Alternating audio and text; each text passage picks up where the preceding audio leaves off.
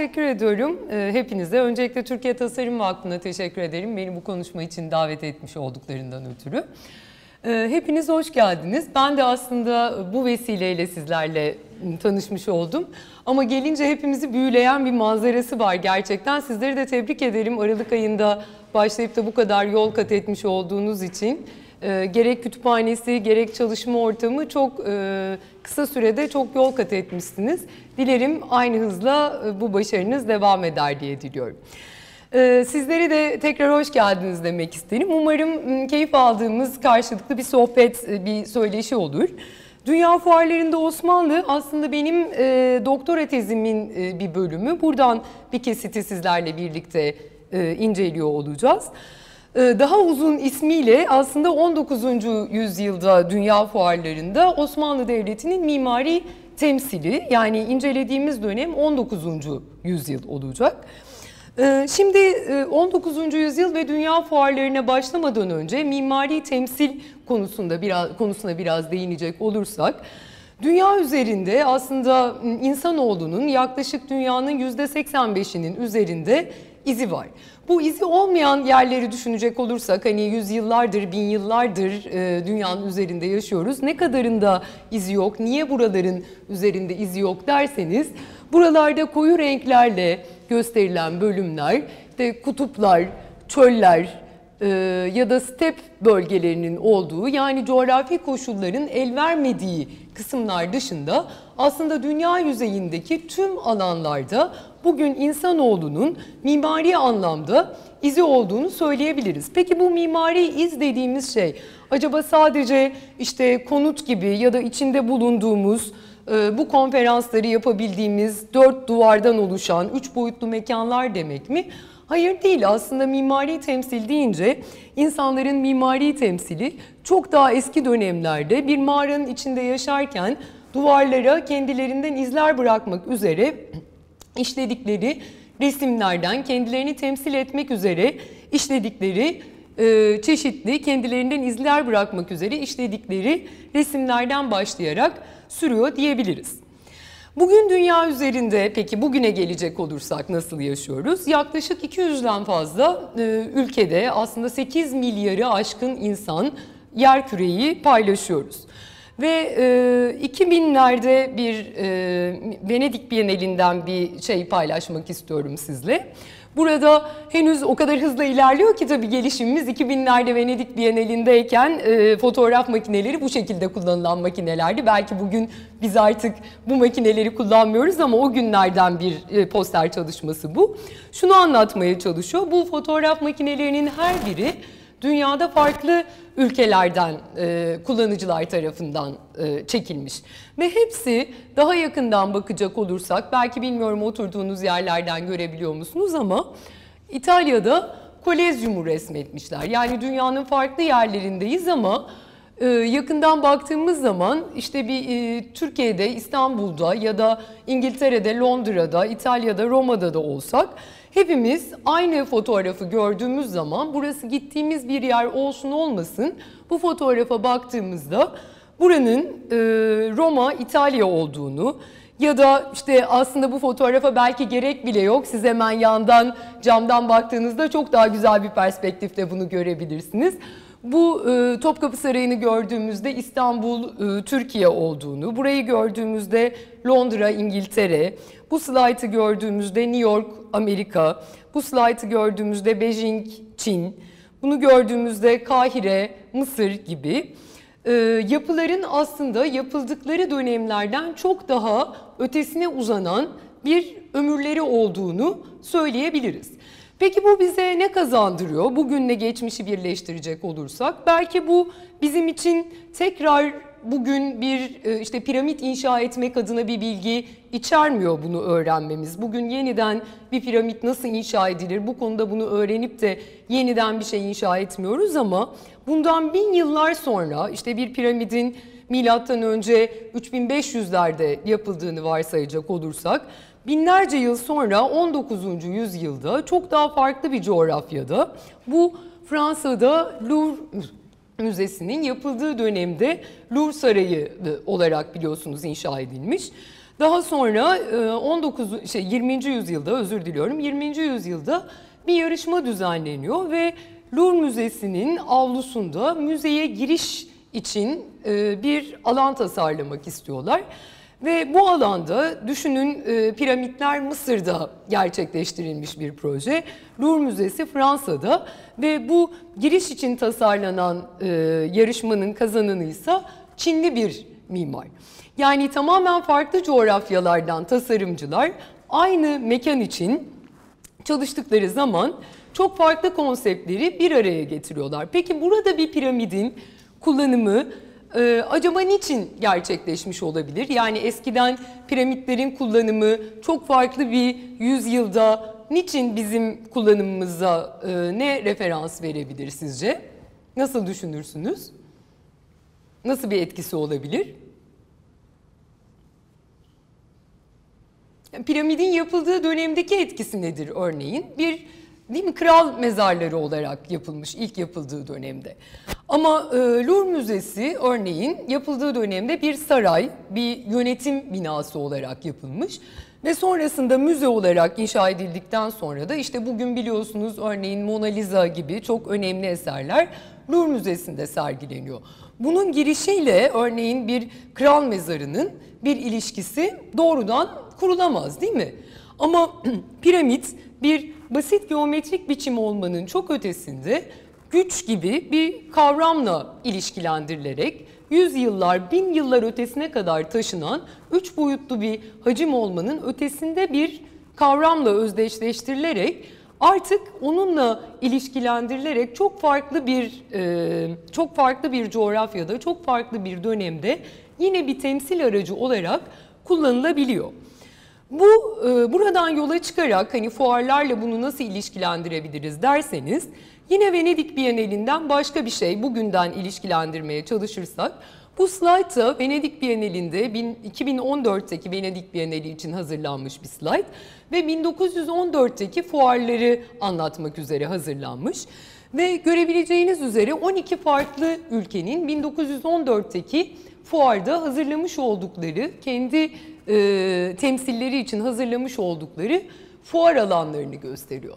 Ve bakacak olursanız her birinin aslında temsilleri için hazırlamış oldukları yapılar kendi tarihleriyle ilgili değil mi? Örneğin biz mesela bu fuara katılmış olsak belki başta gösterdiğim gibi Topkapı Sarayı'nın ya da buradan silüette bakmış olduğumuz zaman bize tanıdık gelen işte İstanbul ve İstanbul'un mimarisi budur dediğimiz yapılardan herhangi biriyle kendimizi özdeşleştirerek bu fuar alanına katılırız. Ama bu giderek tabii bu özgünlüğünü kaybediyor. Bu çalışmada da buna değinmeye çalışmışlar. 2014'te diyorlar böyle bir fuar düzenlense belki bu bu kadar ayırt edici, özgün olamayabilir. Örneğin 2014'te bu siyah beyaz bir fotoğrafta belki güç anlaşılabilir. Renklisine bakacak olursak aynı ülkeler 2014'teki yapılarıyla katılsalar belki hepsi benzer yapılar içerecek değil mi? Çünkü mimarlık ve mimari ile temsil artık eski özgün gücünü biraz kaybetti. Biz bugün aynı çerçevede bu mimari temsili yakın dönemle ilişkili olarak ne olduğu konusuna kısaca değindikten sonra 19. yüzyılda dünya fuarları başlığı altında 7 adet e, fuara değineceğiz. Bu fuarlar sadece Osmanlı ile ilişkili olan fuarlar değil, 19. yüzyılın ikinci yarısında dünya fuarları başlığı altında farklı ülkelerin düzenlemiş olduğu fuarlar var. Dünya fuarı dediğimiz zaman şöyle bir yanılgı olmasın çünkü bu bugün yapılan bir fuar değil. Belki buna en benzer konsept bugünkü Venedik Bienali olabilir ama Venedik Bienali bile hani bir yapı olarak bize bir şey çağrıştıran bir şey değil değil mi? Yani Venedik Bienalinde neyin tasarlandığı üzerine biz mesela aa işte ben size burada sunumda da diyorum ki Venedik Bienalinde şöyle bir şey paylaşmışlar ya da bir ürün görüyorsunuz aa bu ne kadar yaratıcı bir şey Venedik Bienalinde paylaşılmış ama size desem ki Venedik Bienali nasıl bir yapıda gerçekleşiyor Yani çok azınızın bilgisi vardır. Çok da önemli bir kriter oluşturmuyor. Çünkü artık daha ürüne dönük bir e, şeyimiz var, paylaşımımız var sergilerde, fuarlarda. Zaten fuarlar da bugün nasıl gerçekleşiyor? İşte kitap fuarları var, tekstil fuarları var değil mi? Daha ürün bazında fuarlar var. Ama dünya fuarı dediğimiz zaman çok daha büyük bir çerçeve. Yani acaba dünya fuarı, evrensel sergiler dediğimiz zaman farklı ülkeler burada neyi temsil ederler ve neden bu arenanın içinde bulunmak isterler ki bu bugünkü gibi bir dönemde değil. Hani bugün için diyebilirsiniz ki belki işte bilişim çağında yaşıyoruz e, pek çok şey zaten ortak. Yani e, işte bir iPhone Türkiye'de neyse İngiltere'de de o, Çin'de de o, Amerika'da da o. Ama 19. yüzyılda bu gibi ortak paylaşımlar da henüz mevcut değil. Peki o zaman bu dönemde dünya fuarı gibi bir şey ne sebeple düzenlenebilir?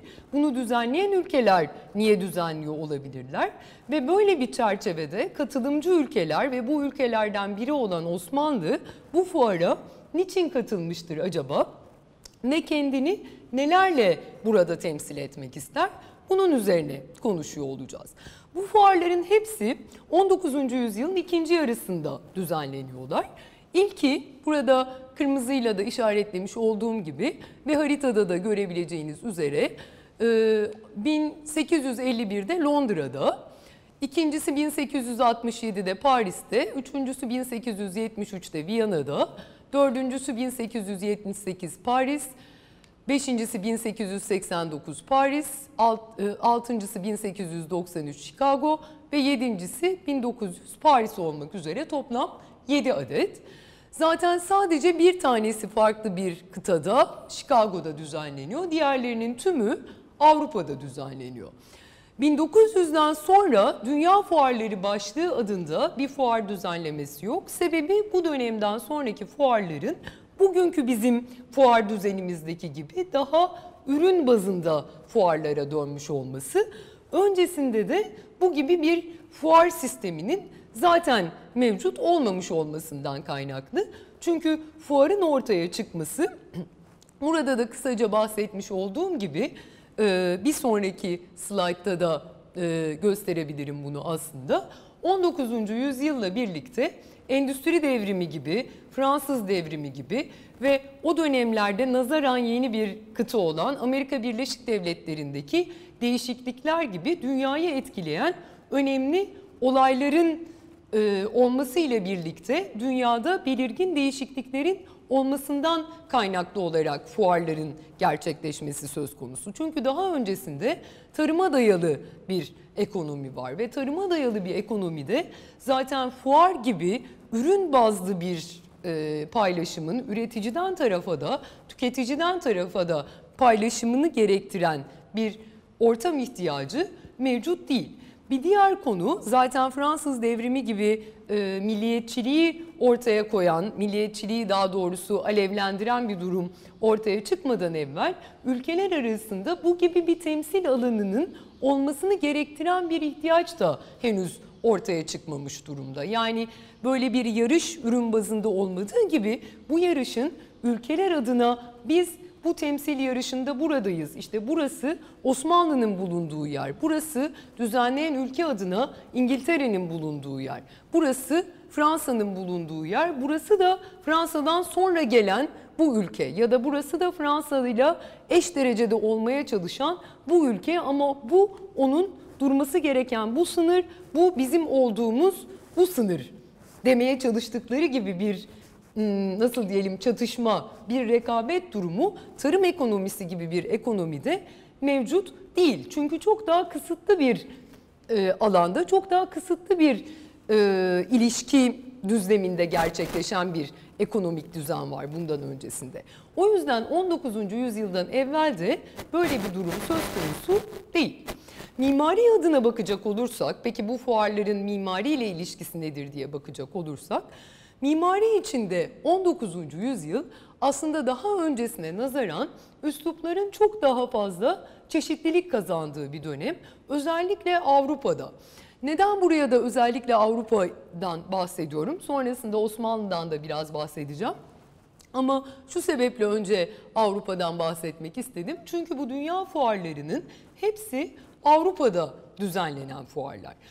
Aynı dönemde yani fuarları bu 19. yüzyıldaki değişikliklerin yarısından itibaren gerçekleşiyor gibi düşünecek olursak bu dönemden öncesinde Avrupa üsluplarını aslında çok net üsluplar olarak ayırabilirsiniz. İşte hani mesela çok yakın zamanda Notre Dame Katedrali biliyorsunuz yandı. Notre Dame Katedrali örneğin 200 yıllık bir üslup döneminin bir ürünüdür. Yani biz burada 100 yıllık bir dönem içerisinde bu kadar çok farklı üslubu e, konuşurken Notre Dame'ın içinde olduğu gotik üslubu 1200-1400 yılları arasındaki gotik üslubunun bir ürünü olarak ortaya çıkar ve o dönem içerisinde Avrupa'da sadece gotik üslup e, mevcuttur. Burada 19. yüzyılda neden bu kadar çok çeşitliliği var? Bu da gene endüstri devrimi, Fransız devrimi ve Amerika'daki değişikliklerle ortaya çıkan bir yapının çok daha kısa sürede ortaya çıkmasına sebep olan, çeşitli yeni yapı malzemelerini ortaya koyan, mesafelerin çok daha kısa sürede aşılmasına imkan veren çeşitli değişikliklerle e, çeşitli değişikliklerle ortaya çıkmış, imkan bulmuş bir değişiklik. Bu sadece yapılar için değil, aynı zamanda ulaşım için de aynı şekilde geçerli. Yani neden 200 yıl boyunca tek bir üslup varken burada 100 yıl boyunca bu kadar çok çeşitli üslup ortaya çıkabiliyor? Çünkü insanların farklı mesafeleri aşabilmeleri çok daha kolay hale geliyor. Yani eskiden bir Fransa'da yaşayan bir insanın örneğin gotik Fransa'ya daha Fransa'ya mahsus bir üslup.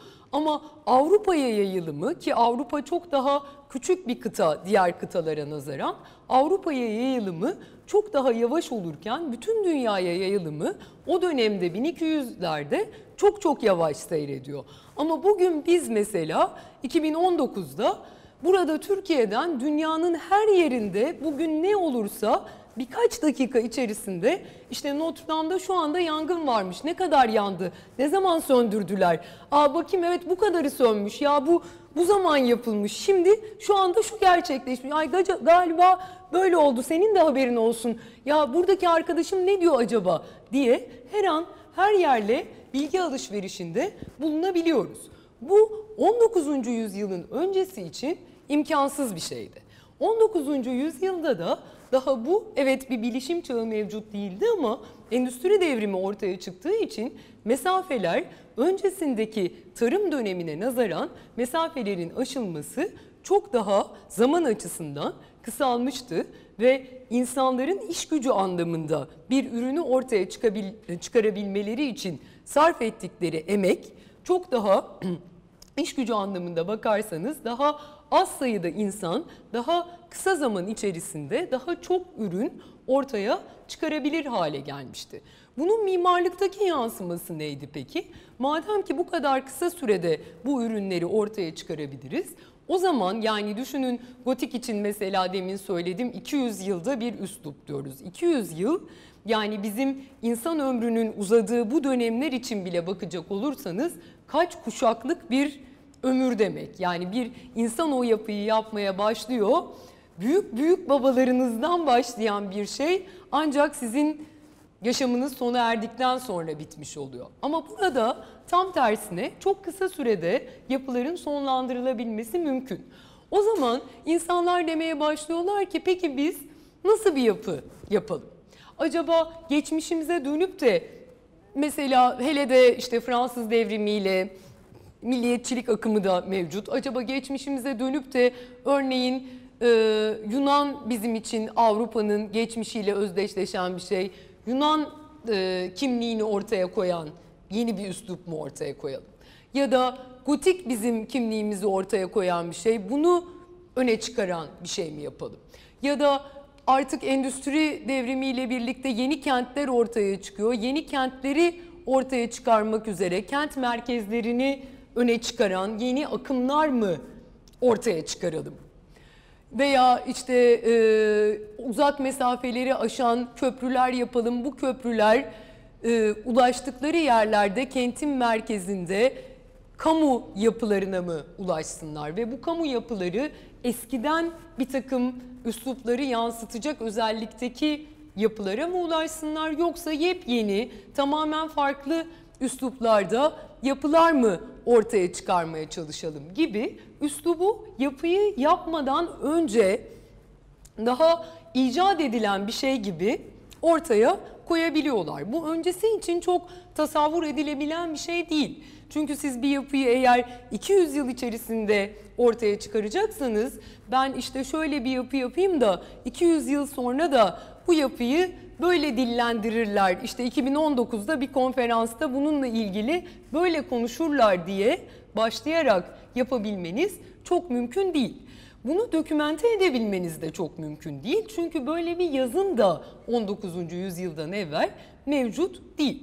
Bunun var olması da dünya fuarları ve mimarlık adına önemli bir şey. Çünkü bu dönemden itibaren bu dünya fuarlarında da hem düzenleyen ülkeler adına hem de katılımcı ülkeler adına biz acaba ne tür yapılar yapalım? Bu yapılarda kendimizi neyle, ne şekilde temsil edelim demek için aynı zamanda bir literatür ve bu literatürün gerek tarihsel gerek de yeni dönemle ıı, ilişkili olarak birbirine bağlayan bir tartışma ekseni de ortaya çıkmış oluyor. Ee, bu arada Osmanlı'da ne gidip geliyor diye soracak olursanız Osmanlı'da bildiğiniz gibi aslında ekonomik düzen tımar sistemine dayalı. Tımar sistemi ne demek? Yani e, tarıma dayalı bir ekonomi var ve e, köylü toprağın e, toprağı kullanıyor ve ürettiğinin artı değerini devlete veriyor. Bu ne demek? Asıl e, mülkiyet devlete ait yani toprağın sahibi devlet. Bu yüzden yapılan yapılarda devlet tarafından yaptırılan yapılar. Yani böyle bir fuara katılındığı zaman endüstriyel bir ürün fuarı da olsa bugünkü gibi işte sanayicilerin katıldığı ve sanayicilerin kendi ürünlerini gösterdikleri bir fuar değil. Bu bir yapı içerisinde de gösterilecek olsa yapıyı yapan da ürünü gösteren de yine devlet olmuş oluyor. Yani sanayici tek başına kendini temsil etmek üzere böyle bir fuarda bulunuyor durumda değil. Şimdi e, dönem olarak bakacak olursak bizim bu fuarları konuştuğumuz dönem aslında e, Abdülmecit Han'la başlıyor. Ben bunu 3. Selim'den itibaren aldım. Bunun sebebi e, bu konuşmuş olduğumuz değişikliklerin hani endüstri devrimi, Fransız devrimi ve Amerika'daki değişikliklerle başlıyor demiştim hatırlarsanız. Bu değişikliklerin Osmanlı'daki karşılığının 3. Selim dönemiyle başlıyor olmuş olması sebebiyle burada 3. Selim'den başlattım. 3. Selim ve 2. Mahmut'la. Ancak söz konusu olan fuarlar 1851'den e, başlıyor olduğunu söylemiştim. İlki Abdülmecit Sultan Abdülmecit ile başlayacak. Sonrasında Abdülaziz ve 2. Abdülhamit'in döneminde katılan katılınan fuarları konuşuyor olacağız. Fuarlarda Osmanlı'nın diğer ülkelerle ilgili olan, ilişkili olan durumuna bakacak olursak bu e, Şevket Pamuk'un o dönem için ülkeleri ayırmak adına yaptığı bir e, inceleme. Ülkeleri dört grupta inceliyor. Belki bize fuarları incelerken yardımcı olur diye bu ayrımı da bir köşede tutmak adına yerleştirdim. Ee, bir tanesi hani bu e, fuarları da düzenliyor olan ya e, Avrupa'da e, Avrupa'da aynı dönemde biliyorsunuz sömürgecilik de var. Bu fuarları düzenleyen ve bu sömürgeciliği de elinde tutan ekonomiyi, endüstrileşmenin başını çeken Avrupalı ülkeler. Bir grubu bunların resmi sömürgesi olan devletler. Örneğin hani ilk grupta İngiltere'yi sayarsak ikinci grubu mesela Hindistan gibi düşünebilirsiniz. Üçüncü grupsa bunların e, tamamen bir sömürge olarak ayrılmamakla beraber yine de e, diğer emperyalist devlete bağlı olarak yönetimini sürdürmekte olan Orta ve Güney Amerika ülkeleri. Bunlar benzer bir durumu şimdi de aslında sürdürmekte olan bazı ülkeler var biliyorsunuz. Ve dördüncü grup Osmanlı fuarda da aynı eksene oturacağı için bu ayrımı e, belirtmekte yarar görüyorum. De Osmanlı gibi, Çin gibi, İran gibi büyük ve güçlü merkezi yönetime sahip olan ama bu bahsetmiş olduğumuz Avrupa'daki yönetimden ayrı sömürge ya da sömüren tarafta olmayan ülkeler. Yani güçlü devletler ama bu e, yerleştirdiğimiz eksende dünya fuarında yer alan ülkelerin dengesinin içerisinde ayrı bir yerde duran ülkeler. O yüzden de sergiledikleri ürünler ve kendilerini sergilemek üzere kullandıkları yapılar, yapıların üslupları adına da ne gibi farklılıklar oluşacağını birazdan bu dengede de incelemeye çalışacağız hep birlikte. Ee, çok kısa detayına geçmeden önce hangi e, sultanların döneminde, hangi padişahların döneminde olduğunu göstermek adına burada altta ana yapıları, yukarıda da padişahların dönemlerini tekrar göstermeye çalıştım. Bu 1851'deki İngiltere'deki fuar, 1867'deki Fransa'daki fuar, ilki Abdülmecit döneminde, ikincisi Abdülaziz döneminde ve 1873 e, Viyana'daki fuar, 1878 Fransa'daki fuar, 1889 Paris'teki fuar. Buraya Eyfel Kulesi'nin bir e, resmini koydum. Çünkü birazdan değineceğim üzere Eyfel Kulesi de 1889 Paris Fuarı için inşa edilmiş olan bir yapıdır. Yani dünya fuarları ölçek olarak da nasıl diyelim organizasyon olarak da bu önemde olan yapılar. Bugün işte Paris'in simgelerinden biri olan Eyfel Kulesi örneğin bu organizasyonlardan biri için inşa edilmiş. Ee, bir diğeri 1893 e, Chicago Dünya Fuarı ve sonuncusu da 1900 Paris Dünya Fuarı.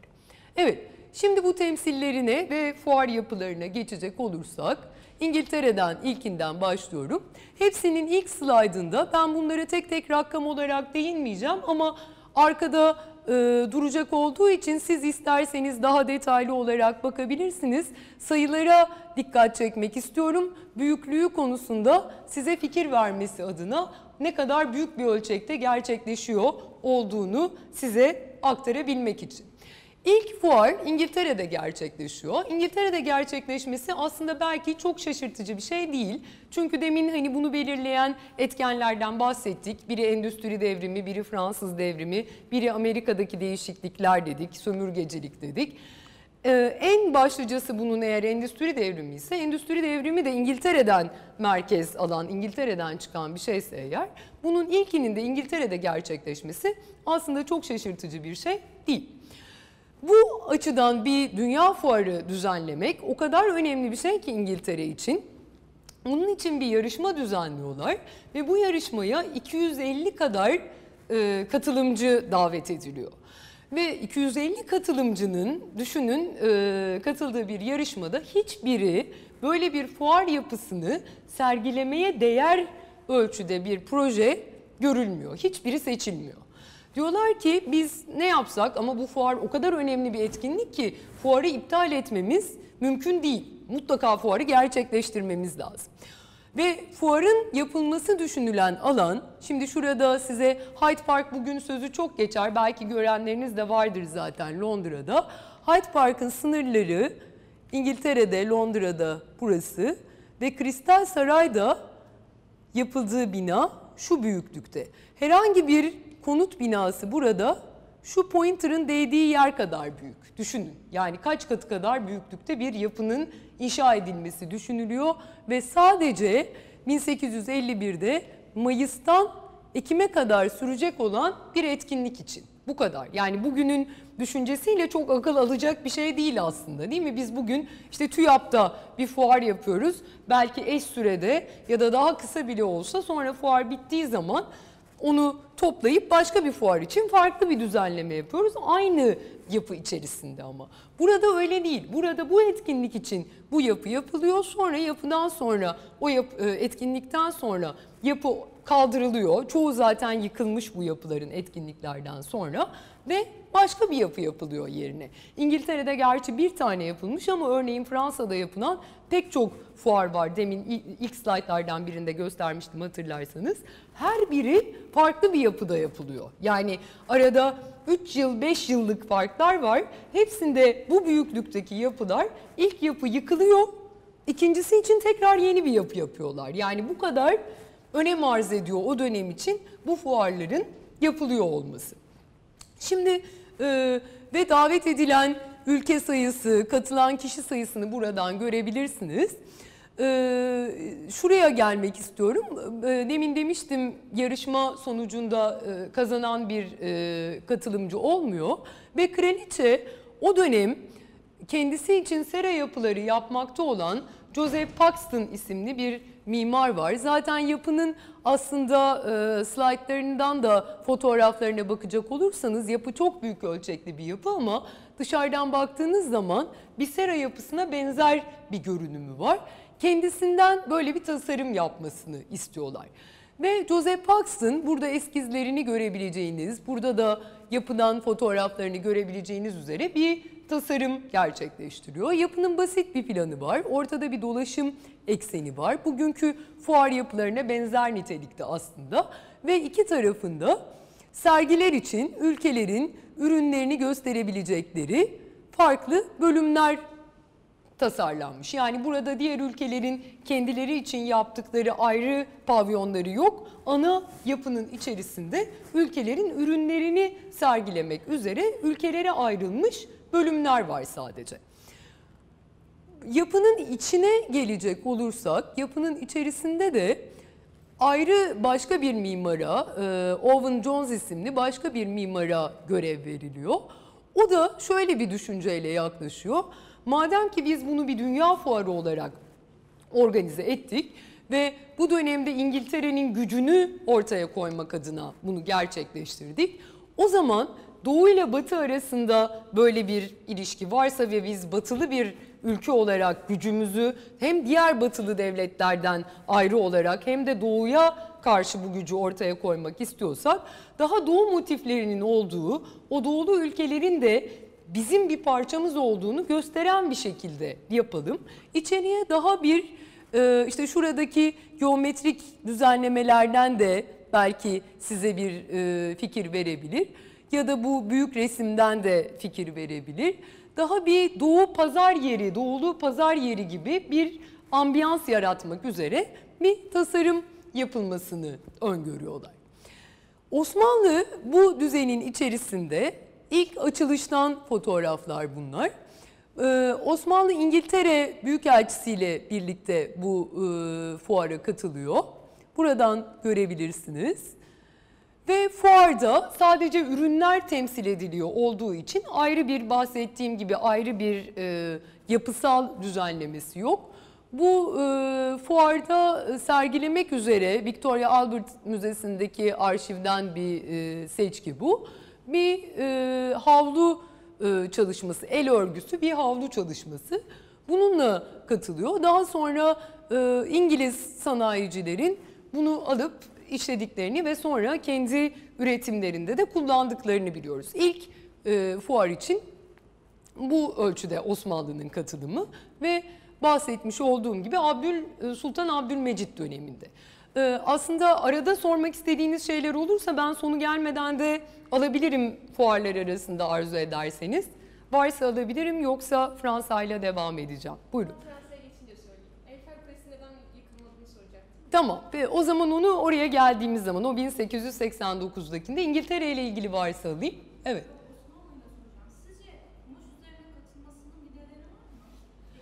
Ee, yani özellikle tekstil olmasından e, şey olduğunu düşünmüyorum. Hani başka ürünlerde vardı da biz tekstille katılalım, tekstile özel olduğunu düşünmüyorum. Ama şöyle bir şey var. O dönemde Osmanlı tabii endüstri devriminin olduğu dönemde Osmanlı diğer devletler kadar endüstride önde bir devlet değil. O yüzden e, el yapımı bir şeyle o arenada farkını ortaya koymak, endüstri alanında bir şeyle ortaya koymaktan daha kolay ve daha anlamlı olabilir. Çünkü herkesin başı koştuğu bir şeyde daha geride bir temsilde olmaktansa daha iyi olduğu bir şeyde daha öne çıkmak ve onunla endüstri alanını etkilemek. Yani siz bunu örnek alarak oradan bir pazar yaratmak kendine. Yani bu e, kolay üretilebilecek bir şey değil. Ama işte bu eşsiz şeyi biz ürettik. Siz bunu kendinizi örnek alırsanız buradan yeni bir üretim şeyi doğabilir diye kendi ülke pazarını buradan ortaya çıkarmak uygun bir şey olabilir diye düşünüyorum. Bir ikinci şey endüstri ve İngiltere Osmanlı adına şu da olabilir. Dönem olarak Osmanlı-İngiliz ticaret anlaşması vardır. Siz tarih şeyinden en az benim kadar iyi bilirsiniz. O döneme yakın bir dönem. Yani Osmanlı'nın bu fuarda yer almak istemesinin bir diğer sebebi bu da olabilir.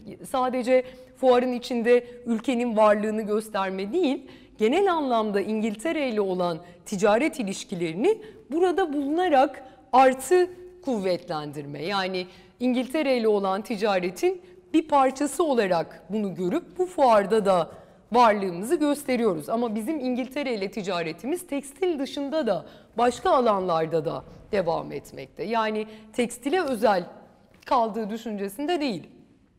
Evet, başka varsa alabilirim. Evet. Hayır, bu Londra yapısı ortadan kalkmış durumda. Ee, önce bir yangında zaten e, şey oluyor. Belki benzer gibi gelecek size ama bu tadilat sırasında bir yangında değil. Zaten şöyle, bu yapıların hiçbiri e, uzun süreli kullanılmak üzere inşa edilmiyorlar. Yani bunu belki baştan e, değinmekte yarar var. Sadece Chicago'daki hariç. Chicago'daki de oraya gelince daha detaylı değineceğim ama şu sebeple Chicago tabii diğerlerine nazaran çok yeni bir kent. Yani Avrupa'daki kentler çok e, Chicago ile kıyasladığınız zaman çok köklü geçmişleri olan kentler. Ama Chicago bu fuarla şunu da yapmaya çalışacak. E, kendini oradan bir tarih yaratmaya çalışacak. Yani olmayan bir tarihi var gibi göstermeye çalışmakla var olan bir tarihin içerisinde bir yapı yaratarak onu bir temsil alanı olarak kullanmak tabii birbirinden farklı şeyler. Yani biz burada mesela bugün İstanbul'da kendimizi temsil etmek üzere bir fuar düzenlesek aynı mantıkta gidip de işte Dolmabahçe Sarayı dururken hani biz yeni bir saray yaparak buraya katılalım deme ihtiyacı duymayız. Zaten hani o e, Türk milli e, tarihini, mimarlık tarihini gösteren pek çok yapımız mevcut. Ama Amerika'da bu olmadığı için onlar bu fuar aracılığıyla zaten o farkı o fuara değindiğim zaman siz daha net okuyabileceksiniz. Bu fuarı o anlamda kendilerine milli bir mimari yaratmak adına kullanacaklar.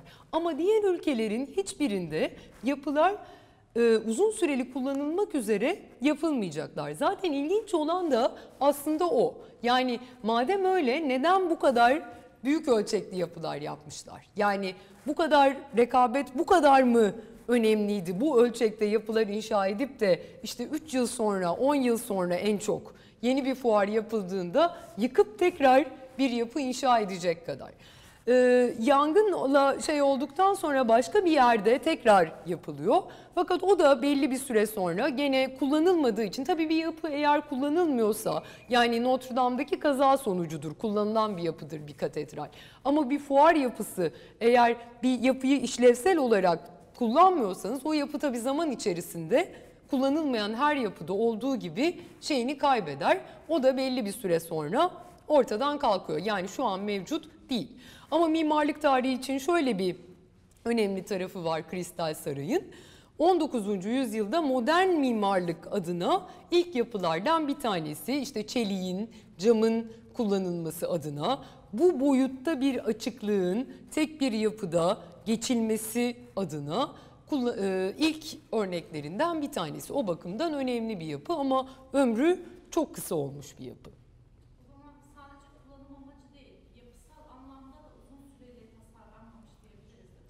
Yani e, işlevsel olarak çok uzun süreli olması düşünülen yapılar değil. Yani fuar etkinliği onlar için çok önemli.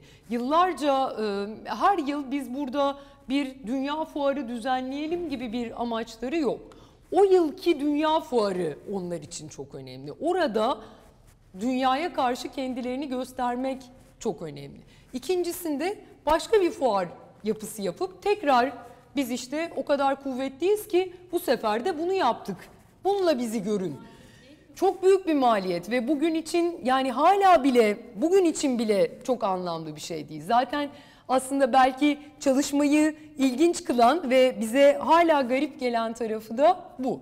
Yani inanılmaz bir bütçe ve bunu e, bu şekilde böyle bir şeye ihtiyaç duymak da enteresan. Yani bu rekabeti mimari aracılığıyla temsil etmeye çalışmak. O da ilginç. Sadece ürünle değil. Yani ülkenin kendini yapı üstünden böyle bir yarışa sokması. Üstelik de bu kadar büyük ölçekli yapılarla. Hakikaten bugün bile bizim yani rasyonel anlamda e, bir yere koyamadığımız bir şey.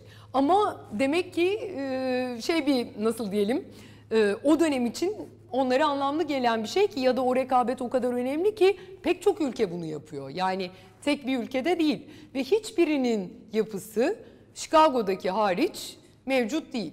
Sadece Eyfel Kulesi var. Orada da Eyfel Kulesi sadece var. Yani Eyfel Kulesi dışında kule sadece fuar yapısı değil. Yani fuar yapısı mevcut değil. Sadece Eyfel Kulesi mevcut. Fuar yapısı gene ortadan kalkmış durumda. Zaten bu kadar büyük ölçekli yapıları siz bir işlev vermediğiniz zaman kentin içerisinde tutamazsınız. Çünkü düşünün siz şimdi İstanbul'un içerisinde bu kadar metrekare büyüklükte bir yapı olduğunu. Yani dersiniz ki nedir bu? Hani ne yapacağız biz burada? Değil mi? Yani bir işlevi de yok. Yılda bir kere kullanılacak bir şey. Bir fuar yapısını bu büyüklükte tutar mısınız kentin içinde? Bu yani bizim TÜYAP bunun yanında çok küçük bir yapı.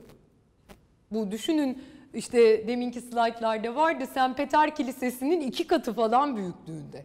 St. Peter Kilisesi işte Vatikan'da Hristiyanlığın merkezi olan kilise. O bile ne kadar büyük. Onun iki katı büyüklüğünde bir şey. Diğerleri çok çok daha büyük olacak. Biraz isterseniz hızlanayım. Ee, hani sonrasında gene diğerlerinden devam edelim. Fransa'dakine geçeyim. İkincisini Fransa bu sefer 1867'de yapıyor. Ee, Champ de Mars bu alan olarak Fransa'daki hep hemen hemen aynı alanda olacak. Yani yapılar değişecek ama bulunduğu arazi itibariyle hemen hemen hep aynı alanda kalacak. Bu alanın ismi Champ de Mars. Ee, tasarım şeyi fikir olarak e, düşünecek olursak iç içe geçmiş 7 tane elips yapmayı düşünüyorlar. Fikir olarak bunu şöyle düşünüyorlar. Biz e, bir evrenin yansıması gibi düşünelim bunu. Yani siz buna kuş bakışı yukarıdan baktığınız zaman bir güneş sistemi gibi düşünün. Elips bir evren gibi düşünelim bunu. Ve evrenin merkezinde Fransa olsun. Dünyanın merkezi, evrenin merkezi Fransa'ymış gibi düşünelim. Yani fikir olarak böyle bir fikirden yola çıkıyor. Şimdi size büyüklük olarak göstermek istiyorum. Bu şeye göre çok çok daha büyük. Şimdi burası Fransa'da. Fransa'ya belki hepimiz biraz daha hakimiz bu Notre Dame şeyinden sonra neresi neresidir diye. Ee, burada Sen Nehri burası. Eyfel Kulesi şimdi size hayrete düşürecek ama şu kadar. Ve bu bahsettiğim elips şu ölçüde. Düşünün. Bu büyüklükte. Fuar alanı sadece yapı olarak yok. Bu fuarın ana yapısı. O zaman daha Eyfel Kulesi yok. Eyfel Kulesi sonraki bir fuar düzenlemesinde gelecek. Fuar alanı ise bu yeşil bölüm. Yani ana yapı dışında birazdan zaten bahsedeceğim. Ana yapı dışında da fuar alanını diğer katılımcılara da e, kendi yapılarını kullanmak üzere, kendi yapılarını e, göstermek üzere tahsis edecekler. Ana yapının içerisinde bazı ülkelerin e, ürünlerini takdimleri olacak. Diğerlerine de kendi yapılarını ve kendi ürünlerini ım, takdim etmek üzere ayrı bölümler verecekler. Onlar da bu yeşil çerçevenin içerisinde yer alacaklar. Şimdi bu e, üstten bir bakışla bakalım. Bu elipsin bulunduğu alan burası. Hani demin demiştim ya bunun merkezinde de Fransa bulunsun gibi bir ideolojik mantığı var. Fakat içerideki yerleşim düzeninde şöyle bir şey düşünüyorlar. Biz bu elipsin 7 tane iç içe geçmiş elips her birini şurada bir şeyden anlatmaya çalışayım. Birkaç slide geri dönerim sonra. Her birini farklı bir e, işlev için kullanalım. Yani örneğin işte burada daha yükselenlerinde iş makinelerini kullanalım. Çünkü iş makinelerinin belli bir yüksekliğe ihtiyacı var. Bir diğerini de tekstil için kullanalım. Bir diğerini işte bilmiyorum hani işte tıp mesela atı, uyduruyorum şimdi yani ürünü uyduruyorum.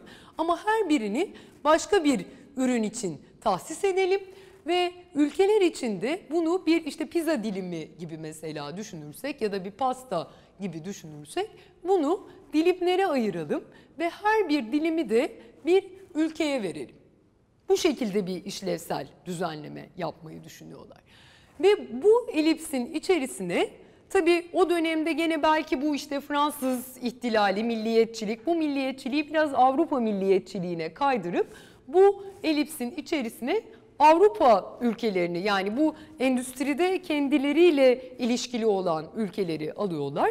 Dıştaki bu şeyin içerisine de bu demin bahsettiğim yeşil alanın içerisine de diğer ülkelere bu başı çeken ülkelerden diğer ülkelere kendi e, pavyonlarını tasarlamak üzere, kendi ürünlerini de getirecekleri, kendi pavyonlarını tasarlamak üzere alanlar tahsis ediyorlar. Şimdi Osmanlı da bunlardan biri. Şimdi Osmanlı'yı da bu ana yapıyla ilişkili olarak görüyor olacağız. Bunun şöyle bir dezavantajı oluyor. Şimdi tabii her ülkenin her üründen eş derecede üretimi mümkün değil. Yani bir pasta dilimi gibi parçalıyorsunuz bunu ama bir ülkenin iş makinesi çokken örneğin mesela arabaya verdiniz bir tanesini. Arabada hiçbir şey üretmemiş olabilir. Ya da işte tam tersi mesela e, arabada çok fazla üretimi vardır. Siz o pastayı böyle dilimlediniz sığmaz araba alanına. Genişlemek ister genişleyemiyor. O yüzden birçok lojistik anlamda problem yaşıyorlar ana yapı açısından. Ee, ana yapının e, görünümü açısından bakacak olursak dış cephede aslında ilk kristal saray yapısına benzer bir yapısı var. Çelik ve camdan oluşan. İç alandaysa oldukça böyle tarihselci işte heykelleriyle burada şeylerden de görebilirsiniz, detaylardan da görebilirsiniz. Böyle tarihselci bir e, yapıda oluşturmaya çalışmışlar. Şurada görebilirsiniz belki fuar alanının biraz daha detaylı bir yerleşimini. Şimdi Osmanlı'nın da bulunduğu alana doğru yaklaşıyorum.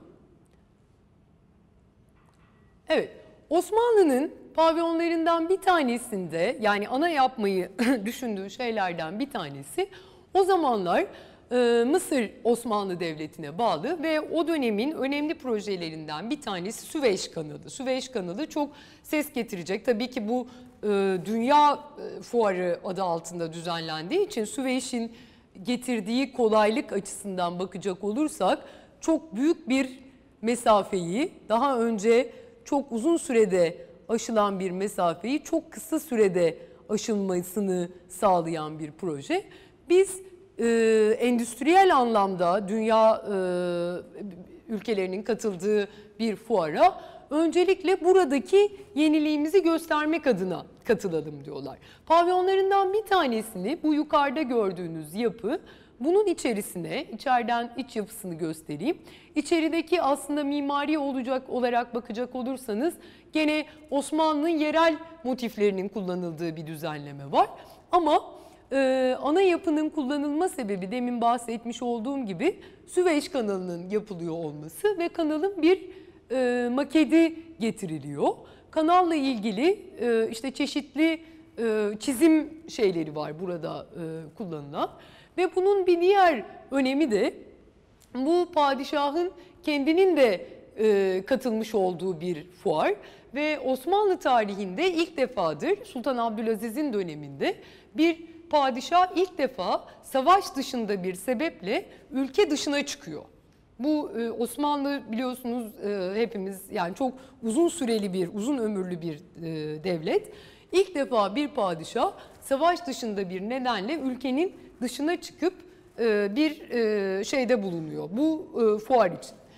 Ee, ve e, yanında işte şehzadeleri Murat ve Abdülhamit de onunla beraber. Hatta daha sonraki fuarlar e, 2. Abdülhamit döneminde Abdülhamit'in bu şeyden de çok etkilendiği ve bu sebeple de e, kendi döneminde de bu fuarlara katılmaya devam ettiği de getirilen yorumlar arasında. Pavyon tasarımları için bu dönem Osmanlı mimarlık tarihinde sadece fuarlar için değil Osmanlı'daki yapılar için de işte Dolmabahçe Sarayı olsun başka ben buraya geldiğimde bu manzaradan çok etkilendiğim için hep Dolmabahçe aklımda bir şey de var hep oradan örnek veriyorum o yüzden ama bu e, o dönem için o dönem yapılan Osmanlı yapılarında e, yabancı mimarların çok şeyi vardır. E, Parville ve Barberini Osmanlı'da o dönemde e, yapılar yapan e, ecnebi mimarlardan, önemli mimarlardan onlar görevlendiriliyor ve az evvel gösterdiğim yapı dışında Süveyş kanalının gösterildiği yapı dışındaki yapıları, getirdikleri yapılar 3 ana yapı var.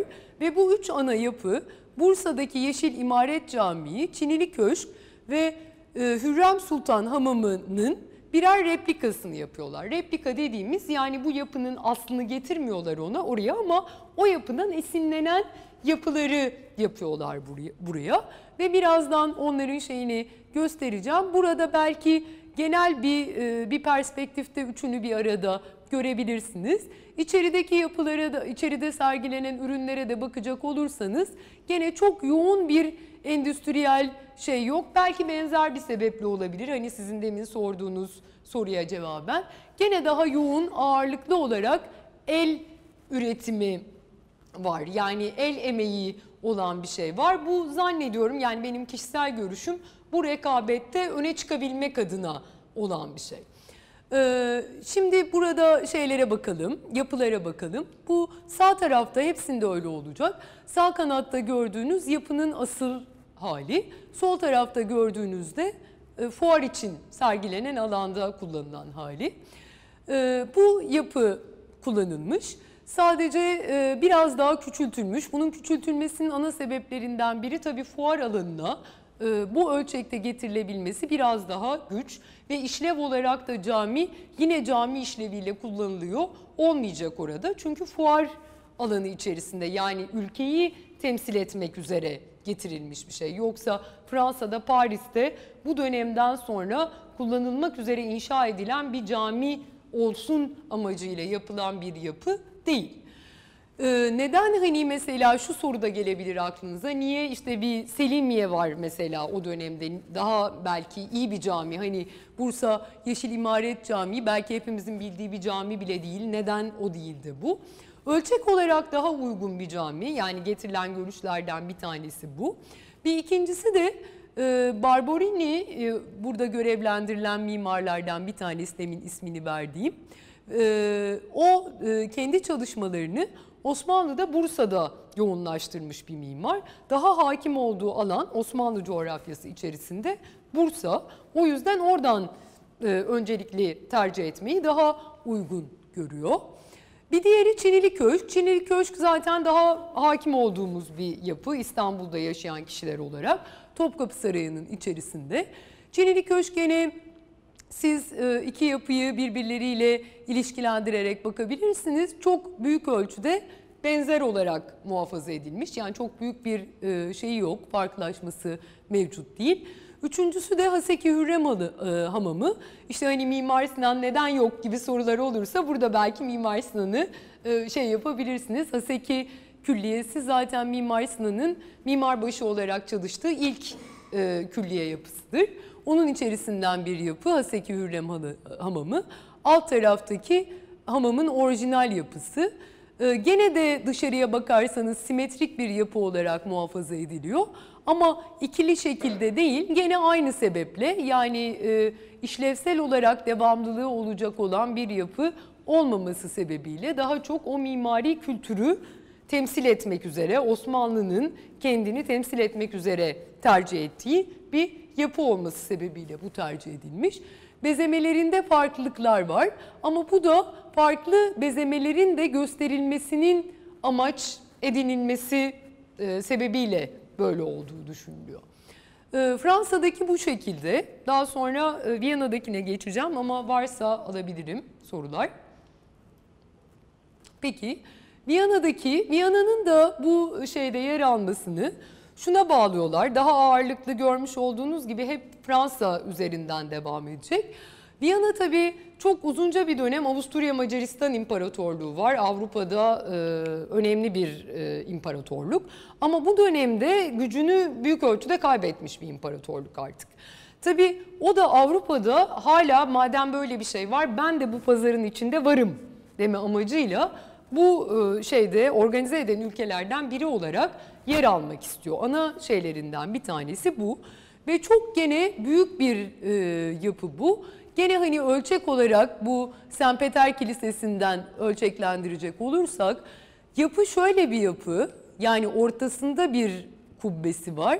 Sırf bu kubbenin olduğu bölümden bir fotoğraf bu. Sırf o kubbe, demin söylemiştim St. Peter Kilisesi'ni. Sırf o kubbe St. Peter Kilisesi'nin çapının iki katı kadar. Ki düşünün yapının kendi yani o kubbenin burada kaç tane o kubbeden sığabilecek kadar bölüm var düşünün. Bu kadar büyüklükte bir yapı. Ee, 1873'te yani arada çok büyük bir yıl farkı yok şeyle arasında, e, Fransa'dakiyle arasında. E, bu sefer e, böyle bir balık kılçığı gibi bir e, sistemi var. Yani ortada tüm yapının birleştiği, belki ince uzun olmasından kaynaklı bir kubbe yerleştirilmesi ihtiyacı duyulmuş. Çünkü çok ince uzun hale geldikçe tabii yapıda toplanılma imkanı ortadan kalkıyor. Kubbenin merkezi etkisi o anlamda önemli bir katkı. Ortaya böyle bir kubbe yerleştirilmiş. Ama ana dolaşım aksı gene Kristal Saray'daki gibi ortadaki koridordan gerçekleşiyor. Ve bu koridorun etrafına yerleşmiş diğer ülkelerin ürünlerini sergiledikleri alanları buradan görebilirsiniz. Yapı gene bu tabi bu ölçekte bir kubbeyi gerçekleştirebilmek için işte o Kristal Saray'da nasıl o yapıyı dedik ya modern mimarlığın ilk öncülerinden bir tanesi. Tabii bu da öyle. Çünkü bu ölçekte bir kubbeyi de yapabilmek için gene çok büyük bir strüktürel sistem kurabilmeniz lazım. Bu anlamda da e, şeyle hmm, Kristal Saray'la yarış halinde olan bir yapı olarak değerlendiriliyor bu. Buna karşın dış cephesinde oldukça historisist, tarihselci bir dili var. Yani dışarıdan baktığınızda bu kubbenin o amaçla yapıldığını çok kestirebileceğiniz bir dili mevcut değil. Daha zafer takı gibi bir e, şeyi var. Bu takın yer aldığı yerde önceki slaytta bakarsak şu bölüm buradan kentin meydanına doğru açılıyor. Alttaki slaytta da buradan görebilirsiniz. Osmanlı burada yine e, ana yapının dışarısında kendi yapılarıyla yer alacak. Ve buradaki yapılarının ana yapılarından bir tanesi daha sonra da pek çok fuarda kullanılacak yapılardan bir tanesi olan 3. Ahmet Çeşmesi. 3. Ahmet Çeşmesi belki birçoğunuzun ıı, aşina olduğu bir yapı olabilir. İstanbul'da iki tane var. Bir tanesi Üsküdar'da hemen o yüzden hani belki aşina olabilirsiniz diye düşünüyorum şeyden iskeleden indiğiniz zaman hemen karşınızdadır. Yani değilseniz de mutlaka dönüşte en azından bir göz atarsanız 3. Ahmet Çeşmesi biri orada. Bir diğeri de bu Babı Hümayun'un önünde yani zaten sarayla ilişkili olması bakımından da kullanılmış olabilir diye düşünülüyor. Tamamen aynı nitelikte değildir ama e, oldukça benzerlikleri vardır her ikisinin. Burada da zaten farklı fuarlarda kullanılıyor olacak ama e, bir takım şeyleri olacak tabii, yorumlamaları olacak. Yani hep aynı replika getirilip başka fuarlara yerleştirilmeyecek. Onu şimdi hep birlikte göreceğiz. Yer aldığı alansa bu kapının demin benim size gösterdiğim kapı meydana doğru açılıyor dediğim hemen meydanda önündeki bölümde yer alacak. Ve ölçek olarak belki şunu da hatırlatmakta yarar var. Zaten Üsküdar'dakinden aşina olabilirsiniz. O dönem çeşmeleri ölçek olarak çok büyük çeşmelerdir. Yani bir cami yapısındaki şadırvandan çok çok büyüktür. Bir e, tek katlı, iki kata yakın bir yüksekliği vardır. Bir e, yapı ölçeğinde e, inşa edilmişlerdir. Aynı dönemde İstanbul'da pek çok çeşmenin olduğu gibi burada da onun ölçeğinden yararlanılıyor aslında. Bu kubbeye göre ilişkilendirirseniz bu zafer takının da çok yüksek olduğunu e, öngörebilirsiniz. Bizim 3. Ahmet Çeşmesi de burada ölçek olarak hani ona nazaran oran olarak kaybolan bir ölçekte değil. Yani bu manada da tercih edilmiş olabilir. Bunun dışında kullanılan yapılar onlar ama ayrı bir bölümde birazdan onları da göstereceğim. Bir arada kullanılan yapılar yani daha bir e, Osmanlı mahallesi gibi düşünebiliriz onları. Ama ana yapıyla ilişkili olarak asıl kullanılan yapı bu 3. Ahmet Çeşmesi. Yapı e, orijinalinde Babı Hümayun'daki 3. Ahmet Çeşmesi'ne çok benzer. Hemen hemen aynı şeyde inşa edilmiş bir replika. Diğerlerini dediğim gibi birazdan göstereceğim ama buradan takip edebilirsiniz hangi şeyle kullanılıyor olduklarını. 3. Ahmet Çeşmesi'ne çok e, kısaca bakalım. Dediğim gibi o dönemde çok fazla var inşa edilen İstanbul'da çeşmeler. E, bir kare planın kenarlarının e, yuvarlak hatlarla bozulmasıyla elde edilmiş bir yapı. Büyük bir saçağı var. Saçak sebillerin yer aldığı orta merkezleri örtmek üzere kullanılmış ve yerden yükseltilmiş durumda. Bu yerden yükseltilmesi tabii yapıya bütünde de daha fazla bir yükseklik katıyor. O yüzden burada da bu yapıyı ilişkili olarak yükseklikte yarışabilir bir yükseklikte görebilirsiniz. Yani ana meydanda fark edilebilir bir boyut getiriyor ona. Ama görmüş olduğunuz gibi oldukça benzer şekilde e, Viyana'da da kullanıldığı şekli. E, Hazine-i Hassa binası aslında bu e, içinde mücevherler sergilenmesi için, Osmanlı hazinesinin mücevherleri sergilenmesi için yapılmış bir yapı. Fakat e, kütle olarak aslında çok Osmanlı mimarisini yansıtan nitelikte değil. Biraz böyle eklektik bir mimarisi var. Bunun da Osmanlı'nın belki o dönemde işte oryantalizmden sebepli diğer Avrupa ülkeleri eğer oryantalist bir mimariyi sergileme yoluna gidiyorlarsa biz de doğuya ait bir ülkeysek aynı zamanda yani sınırının bir tarafı batıda bir tarafı doğuda bir ülkeysek biz de doğudan bazı motifleri de kullanabiliriz düşüncesiyle de bu gibi mesela bu kubbeler çok Osmanlı mimarisinde yer alan kubbeler değildir aslında ama bu sebeple kullanabildikleri, kullanmış olabilecekleri düşünülüyor.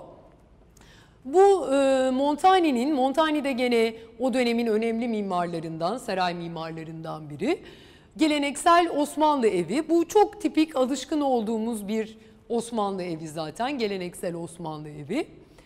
Ee, Türk çarşısı, Türk çarşısı da keza demin bahsettiğim gibi aynı şekilde bunu da mesela dışarıdan görseniz evet bizim çok alışkın olduğumuz bir Türk çarşısı demezsiniz. Mesela 3 kat birbirinden büyük ölçüde ayrı üsluplarda ayrılmış durumda. Üst katı sanki bir Osmanlı evi gibi. Çatı belki o Osmanlı evine katılabilir ama şu örtü mesela o e, hazine-i hassada gördüğümüz örtü gibi bir örtü. Alttaki kemerler tamamen bir kemer değil, uca doğru sivrilen daha bir Arap motiflerine yakın bir motif var. Burada da gene böyle bir eklektik e, düzen var. Yani farklı üslupların bir arada olduğu bir düzene gidilmiş. Ve bir Türk kahvehanesi. Bu da daha geleneksel bir, e, yerel bir motif. Bu da bugün gördüğümüze, görmekte olduğumuza alışk, alışkın olduğumuz bir şey. Viyana'daki e, fuarın bir diğer önemli şeyi, üç e, üç tane e, yazı e, nasıl diyeyim kitap e, bunun için tasarlanıyor. Bunlardan bir tanesi Elbise-i Osmaniye. Bu üsttekiler orijinal burası için e, hazırlanan orijinal isimleri. E, bizdeki ismi Elbise-i Osmaniye. Bu o dönemde Osmanlı'nın içerisindeki farklı e, ırkların ne şekilde giyindiklerini anlatan bir tanıtım kitapçığı hazırlıyorlar. Usulü Mimari Osmani bu Osmanlı tarihindeki ilk mimarlık kitabıdır. Yani mimarlık tarihinde de bizim bugün bakarsanız yerel olarak hazırlanmış ilk mimarlık tarihi kitabı nedir derseniz Usulü Mimari Osmani'dir ve bu bu da bu mimarlık fuarı için, işte bu mimarlık fuarı için diyorum özür dilerim. Bu dünya fuarı için düzenleniyor. Yani bizim için de bu ölçüde önemli bir şey bu fuara katılmak ve e, bu fuarda temsil ediliyor olmak. Bir üçüncüsü de Le Bosphore et Constantinople. Bu da İstanbul Boğazı'nı ve İstanbul'un e, önemini göstermek üzere hazırlanmış bir üçüncü kitap. Aynı zamanda bu üç kitapla da Osmanlı fuarda temsil ediliyor. Evet, burayla ilgili bilmiyorum var mı sorularınız? Size devam. Evet. Tabii. Hı hı. Bu devşirme değil anladığım kadarıyla. Buraya için yapılmış bir tane. Zafer takının olduğu kısım... E, evet, buradaki zafer takı onun için kastediyorum. Evet, Dünya Fuarı'ndaki Viyana'nın ya bu Viyana'nın yapmış olduğu, fuar için yapmış olduğu bir şey ve ana yapının bir bölümü. Yani kentte var olan bir şey değil. Tek bir amaçla yapılmış hani tüm Avrupa tarihinde zafer takımı. Burada kullanımının nedeni ne olabilir? Yani ama şöyle bu dönemde Avrupa'da e, böyle bir şey var. Yani bu ilk defa burada kullanılan bir şey değil. O baştaki kısımda ben oraya biraz o yüzden aslında değinmek istemiştim. 19. yüzyılda Avrupa mimarlığında genel olarak kendi tarihinden belli motifleri alıp yeni yaptığı yapılarda kullanma düşüncesi var. Bu da şu sebeple var. Mesela Viyana'da öyle, Paris'te öyledir. Çok tarihi geçmişi yoğun olan kentler. Şimdi bu kentlerin endüstriyel e, nasıl diye endüstri devriminden sonra yeni yapılar yapma rekabeti içerisinde bu ölçekte büyük yapılar yapmaları işte aynen bizim İstanbul'da mesela Sultanahmet'te bu ölçekte bir yapı yaptığınızı düşünün. Ne olur tabii böyle bir kıyamet kopar değil mi? Yapalım, yapmayalım, hayır olur mu, olmaz, eskiyi yapalım, yeniyi yapalım. Burada da aynı sebeple bir çelişki ortamı oluyor fuar dışında da. O zaman 19. yüzyılın başında insanlar diyorlar ki yani sırf mimarlar değil tüm toplumda biz mimarlığımızı oluştururken nereden yola çıkalım? Yani geçmişimize gidip de geçmişte bize ait değerleri örneğin bu bir zafer takı olabilir veya işte bir Yunan kolonu olabilir. Mesela bir do- Dorik sütun olabilir. Çü- Çünkü çok Avrupa mimarlığına artık atfedilmiş. Nerede görürseniz görün, aa evet bu Yunan tapınağında kullanılan şu sütundur diye tanıyabildiğiniz bir şey. Keza zafer takı da öyle. Biz bunları motifler olarak alıp işlevlerinden bağımsız yeni yapacağımız yapılarda kullanalım ki evet yeni bir yapı yapıyoruz ama yapının da aynı zamanda bir tarihselliği olsun. Öyle olursa bu yapı ha Viyana'da, ha Paris'te, ha Londra'da demesinler de bu yapı bize özgü desinler. Bunun için bunu kullanalım gibi bir düşünce Avrupa'da fuarlardan öncesinde de var. De bu tarihselcilik e, dediğimiz şey bu. O, o sebeple kullanılmıştır. Yani işlev olarak zafer takıyla aynı işlevde değil tabii ki fuar yapısı içerisinde. Oraya bir atıfta mı var mesela İngiltere'de olduğu gibi, gücümüzü gösterelim gibi bir atıf mı var acaba? Yani e, tabii hangi neden neden mesela bir e, işte Yunan sütunu değil de zafer takını seçmişler?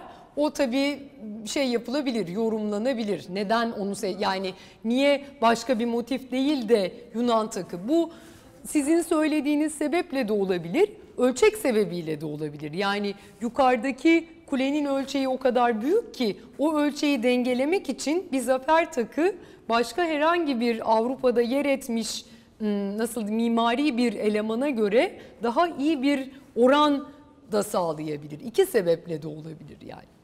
Evet. Başka var efendim. Ee, önceki fuar oranla bu fuardaki yanlış hatırlamıyorsam katılımcı ülke sayısı daha az. Olabilir. Bunda 35 yanlış hatırlamıyorsam diğeri de 42'ydi. Olabilir. Ee, bunun bir nedeni var mı acaba o zamanın şartlarında? Çünkü daha popüler bir hale gelmiş, daha da büyümüş. Ee, Yani şöyle bir şeyi var. O dönemde Avrupa'nın genelinde e, şey burada da e, yazmaya çalışmıştım. Viyana borsası e, çöküyor tarihsel olarak. Yani fuardan bağımsız bir olay bu. Tabii Viyana borsasının çökmesinin Avrupa'nın genelinde getirdiği ekonomik bir şey var. sıkıntı var. O yüzden böyle bir etkinliğe katılmak tabii bu çok yoğun bir maliyet. Yani yapan içinde, katılımcı ülke içinde burada e, buraya iştirak etmek zor bir şey. Bir de bugünün koşulundan farklı bir koşul tabii. Yani bugün belki daha kolay buraya gideyim mi gitmeyeyim mi? O o sebepledir diye düşünüyorum. Yani tarihsel olarak başka bir olaydan kaynaklı katılımın düştüğü düşüncesindeyim ben. Rica ederim. Evet. Bu yapı da yok değil mi? Evet, bu yapıların hiçbiri yok şu anda. Bir tek dediğim gibi Chicago'dakiler ve Fransa'da Eyfel Kulesi var. Evet. Evet.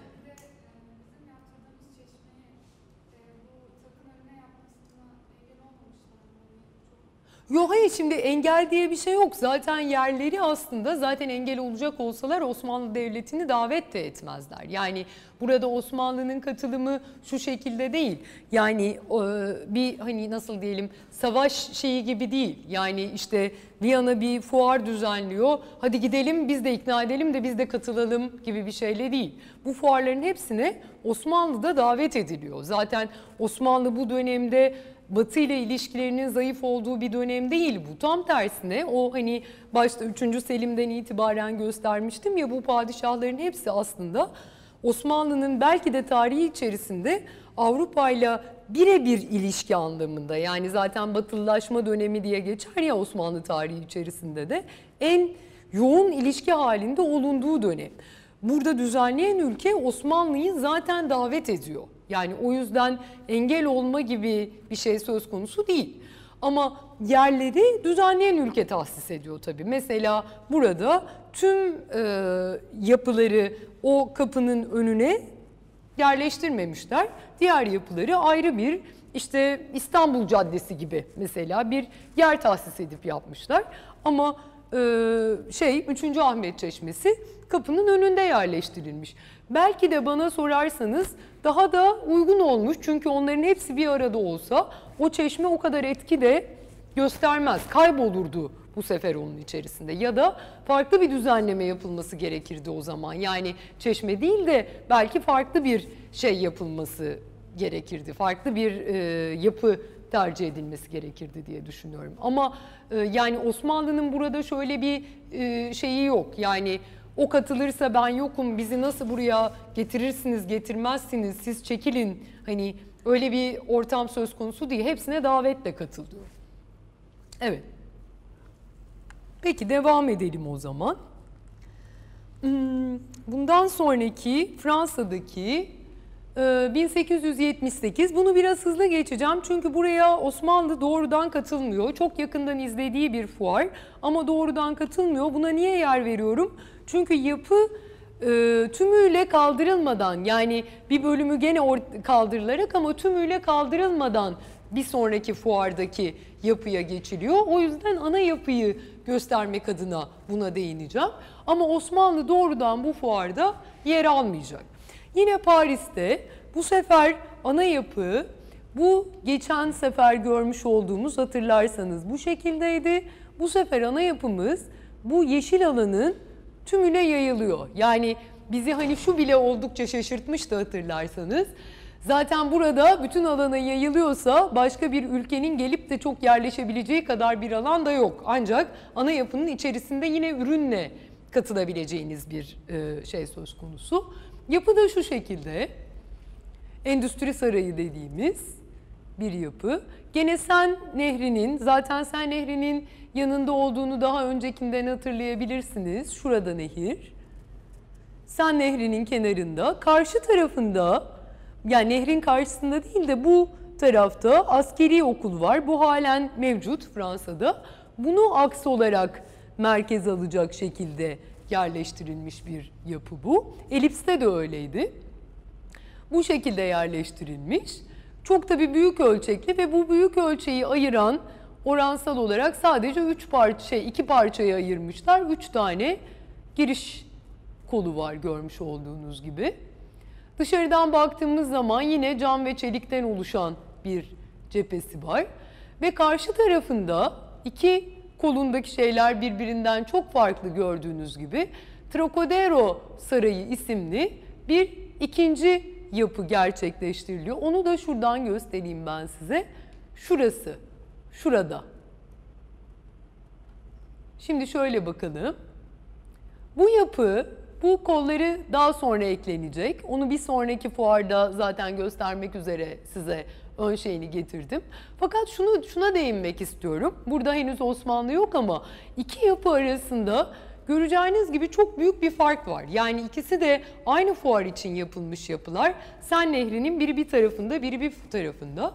Ama Hani bir tanesi mesela gene işte demin bahsettiğimiz gibi Osmanlı'nın bazı yapılarında söyledik ya çok eklektik bir üslup hani farklı farklı şeyleri bir araya getirmişler. Bu mesela çok çok daha fazla.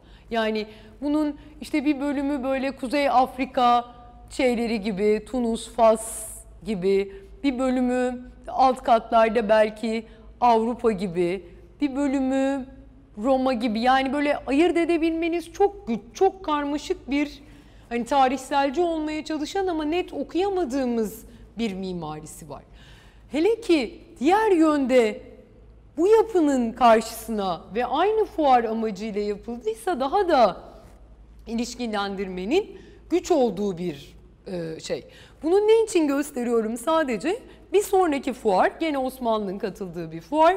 Bu yapıların üzerine devam eden şekilde, bunlara eklemlenen şekilde yapılıyor olacak ana yapılar. O yüzden göstermek istedim. Şimdi dilerseniz ona geçelim. 1878'den sonra 1889'daki bu Fransa için şu anlamda da önemli.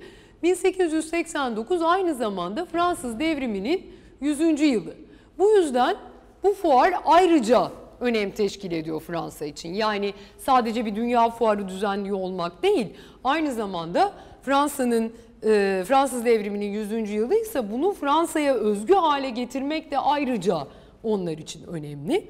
E, Eyfel Kulesi dediğim gibi bu e, fuar için e, yapılmış olan bir şey ama bunun dışında biz ana yapıdan bakacak olursak bu yapıda hani demin konuşmuştuk şu yeşil olan sınırlar dahilindeydi ve bu arkadaki askeri yapıyı aks olarak hiza aldığını söylemiştik.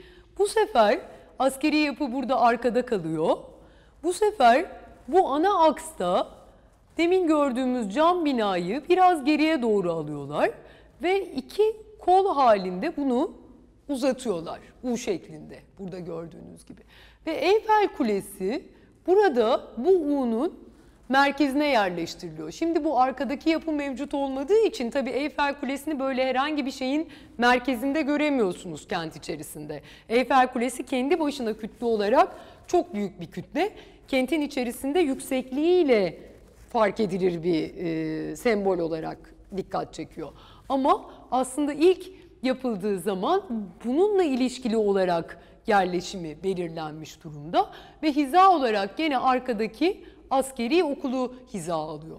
Diğer yönde Sen Nehri'nin diğer yönünde demin o konuşmuş olduğumuz e, Trocadero Sarayı var ve Trocadero Sarayı'na bu sefer 1889'daki fuarda bu kolları karşılamak üzere iki adet kol ilave ediliyor. Buradaki planda görebileceğiniz gibi. Şimdi ana yapıya bakalım.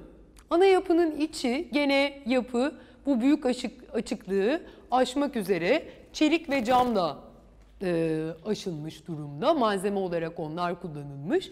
Bu sefer ama dış cephede de görmüş olduğunuz gibi artık tarihselci bir üslup yok. Dış cephede de gene bu malzemeleri göster gösteriyoruz. Zaten e, Eyfel Kulesi'nde de aynı şekilde bir e, tarihselci şey yok. Hatta okumuşsunuzdur belki Eyfel Kulesi ilk Fransa'ya geldiğinde çok tepki de karşılanıyor. Yani neden böyle bir şey var? Zaten bu endüstriyel yapılarla tarihselci yapılar arasında böyle bir git gel var. Şimdi bu bu kadar da yüksek kentin her tarafından görülecek bir yapı neden bunu buraya getirdik diye ayrıca da bir tepki alıyor. Diğer yapılar tabii daha yatayda olduğu için kentin bütününden silüette fark edilmiyorlar ama Eyfel Kulesi bu anlamda fark edilir bir yüksekliğe sahip. Hmm, biz Osmanlı'nın e, şeyine bakacak olursak Osmanlı'nın burada tütün pavyonu olarak geçer. Ürün olarak tütünle ilgili şeylerin sergilendiği bir pavyon. Gene buradaki slaytta yerine bakabiliriz ama şu daha net görebileceğiniz bir slayt. Gene 3. Ahmet Çeşmesi'nin bir yorumlaması. Fakat gördüğünüz gibi yükseklik biraz daha fazla. Ama Viyana'daki 3. Ahmet Çeşmesi gene Babı Hümayun'un önündeki ya da burada Üsküdar'da görebileceğiniz 3. Ahmet Çeşmesi'nden referansla yapılmış. Bu sefer ana yüzeyi 3 parçaya ayrılmış. Orta kısımdan giriş alıyoruz. Saçakların bu sefer ana yüzeyde yuvarlatılmış bölümleri yok da diğerinde hatırlarsanız planda kenarlara doğru e, yuvarlatılmış kısımları vardı. Bu sefer saçak yüzeyinin yuvarlatıldığını görüyoruz. E, ve e, yatay hatları bu sefer katları bölen bir düzeni var.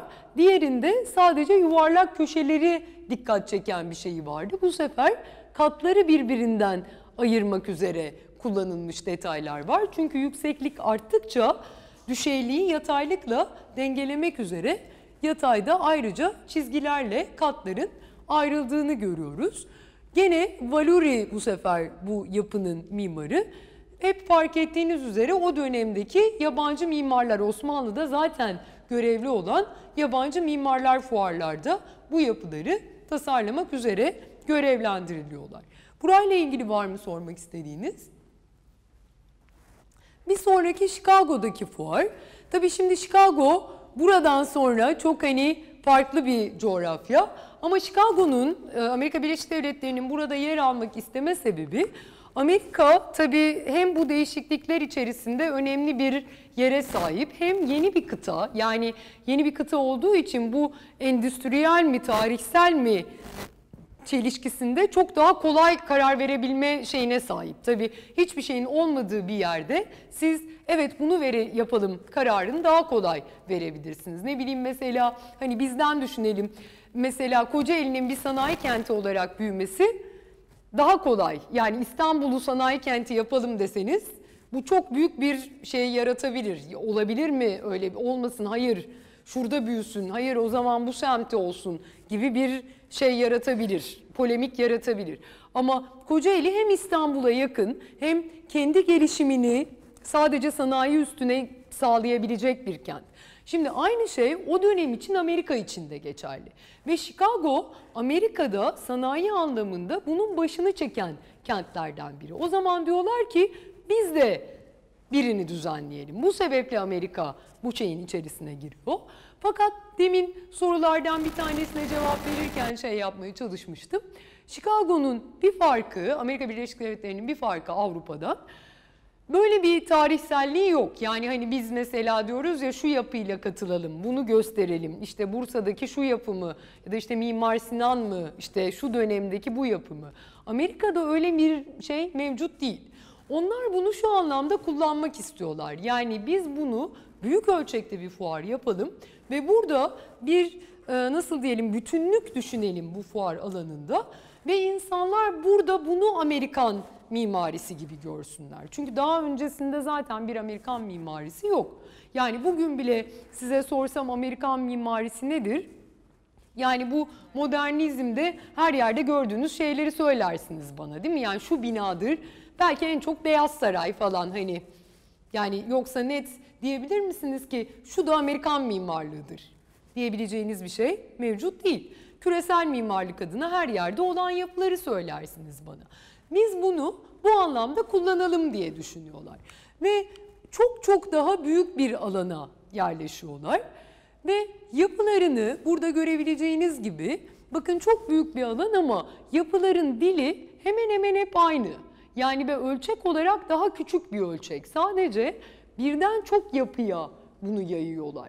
Bu şekilde bu da biraz bugünkü işte şeye benziyor. Dil olarak Beyaz Saray'ın şeyine benziyor. Hep beyaz ve biraz Avrupa'nın o tarihselci 19. yüzyıl başındaki e, seçtiği dil özelliklerinden kendine seçen yani gene seçmeci ama şey değil çünkü öyle bir yeniden yaratma şeyi yok. Kısa bir dönemde buna karar vermek zorunda. Yani bir fuarı tarih yaratılan bir şey değil değil mi? Siz yani bir gün oturup da işte biz ne yapacağız? Bir saray binası yapacağız. Nasıl yapalım? Hemen karar vereceğiz. İki günde karar verip yapalım deyip bir şeye karar veremezsiniz. Yani tarih bir süreç içerisinde oluşmuş bir şeydir. Bunu bir fuarda karar vereceğiniz zaman o zaman bir fikri geniş bir alana yayarak ancak bunu yapabilirsiniz ve bir seçmecilik yapmak durumundasınız. Onlar da bunu seçiyorlar kendilerini ve işte bu beyaz rengi o dönemin Avrupa'da historisist e, şeylerini, mimarlık düşüncelerinden kendilerine seçiyorlar ve belli yerlerde de o dönemin işte bugün modern mimarlığın bizim e, öncüsü kabul ettiğimiz kişilere de çok özel yerlerde önemli binalarını tasarlattırıyorlar ki oralarda da aa işte mesela bu Louis Sullivan önemli bir mimardır modern mimarlık döneminden gibi hani işte aa bu binayı da bu kişi yapmış diye önüne gelip konuşulsun. Yani kent aynı zamanda bununla da tanınsın diye bu, burada mimarlığı bu anlamda kullanmaya çalışıyorlar. Buradan farklı yerlerinden görebiliriz.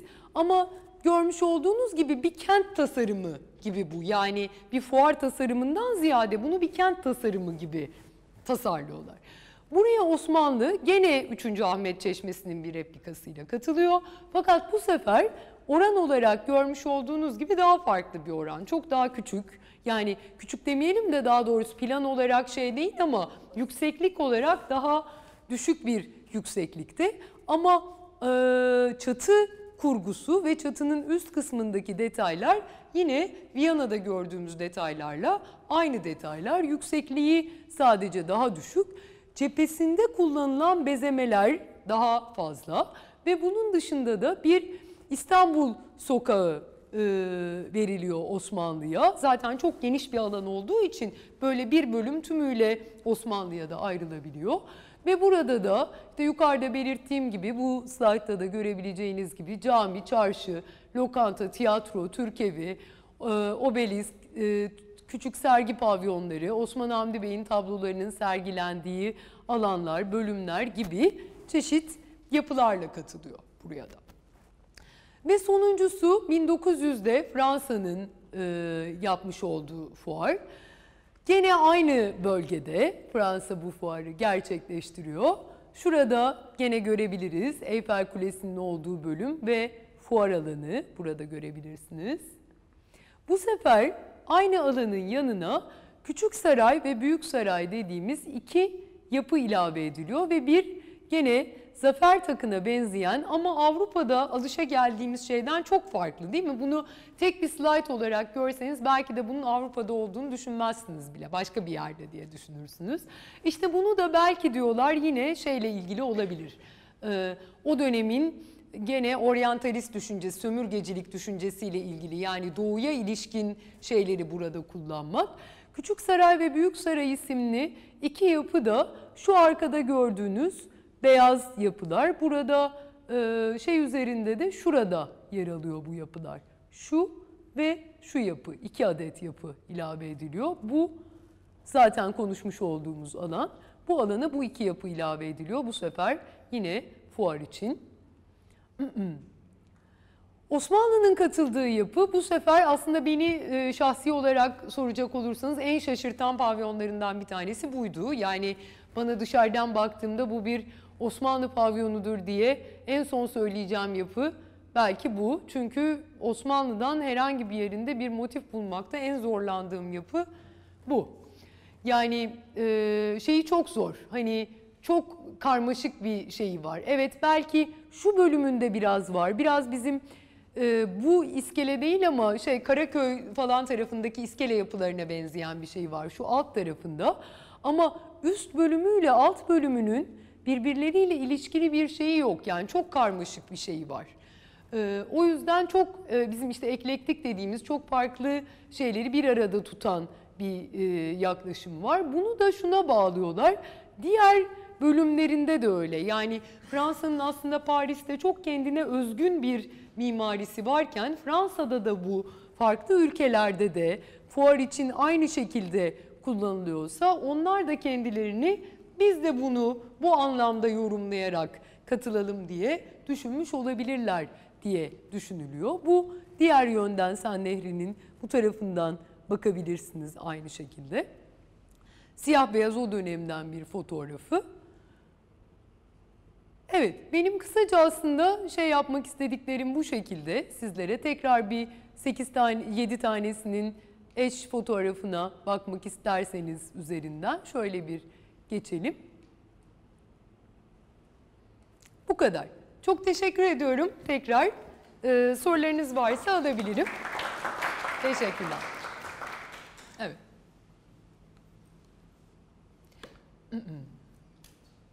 Evet, lütfen. Ee, Eyfel Kulesi aslında başlangıçta çok büyük tepki alıyor. Fakat daha sonra zaman içerisinde yani bu e, bir mimarların ya da kent meclisinin karar verdiği bir şey değil.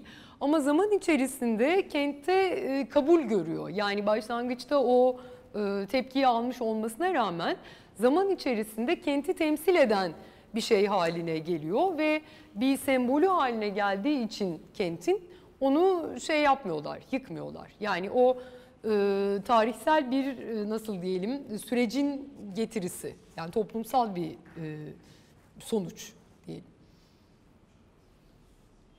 Bir de şöyle belki düşünülebilir. Hani kulenin doğrudan bir işlevi zaten yok başlangıçtan itibaren. Yani bir fuar yapısının bir işlevi var ve işlevi ortadan kaldırdığınız zaman yapının ömrü zaten ortadan kalkar. Yani şimdi biz mesela burası çok güzel bir mekan gerçekten. Yani ben de bugün ilk defa gördüm ve hakikaten ilk geldiğimden beri e, söylüyorum ya benim kendi öğrencilerim de var burada ne kadar güzel hani çok keyifle ben öğrenci olsam gelir her gün burada çalışırım diye. Ama mesela burayı bu işlevi ortadan kaldırsanız buranın kapısını kapatsak, burada bu konferanslar düzenlenmese, kapı açık kalsa bile bu konferanslar olmasa, bu kütüphaneyi buradan kaldırsanız bir süre sonra burada bu güzel manzara olsa bile bu yapı kullanılmaz.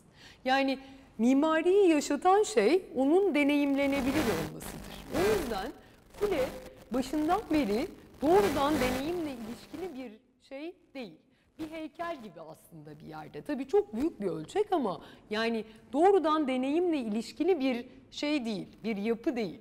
Ama bir sembol olarak kentin sembolü olabilir. İşte çıkıp kenti gördüğünüz ya da dışarıdan baktığınız zaman evet bu kenti sembolize eden bu kuledir diyebildiğiniz bir şey. Bu bakımdan kentin onu zaman içerisinde kabul etmesi daha kolay olmuş olabilir. Baştan öyle bir çelişki olmuş olmasına rağmen.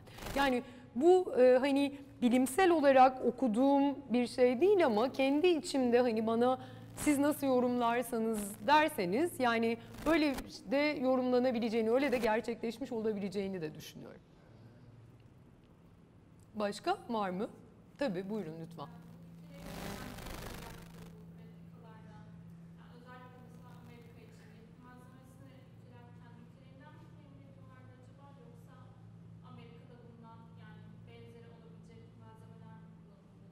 Yani şimdi şöyle, e, endüstri devriminden sonra aslında yapı malzemesiyle ilgili çok büyük bir e, şey yok. Çok büyük bir kısıt söz konusu değil. Daha öncesinde bu 19. yüzyıldan evvelinde yapılan yapılarda çok fazla var. Örneğin yani çok öncesinden beri var. Mesela ilk çağda düşünelim. Niye antik Yunan'da e, tapınaklar mermerden de mesela e, şeyden değil işte Mezopotamya'da zigurat e, topraktan. Neden? Çünkü antik Yunan'da mermer var, Mezopotamya'da toprak var.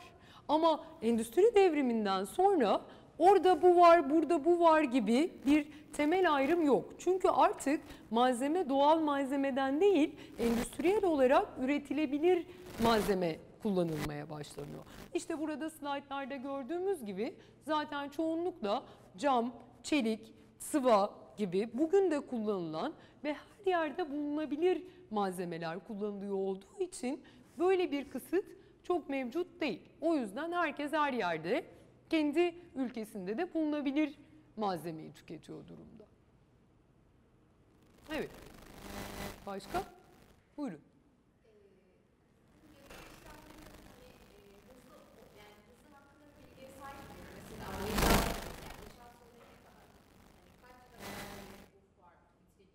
Ee, Ee, Yani çok uzun süreler olduğunu düşünmüyorum. Yani çünkü e, fuarın yapım süreci çok uzun olsa bu e, fuarın gerçekleştirileceği zaman da ona oranda olarak e, uzun olması gerekir.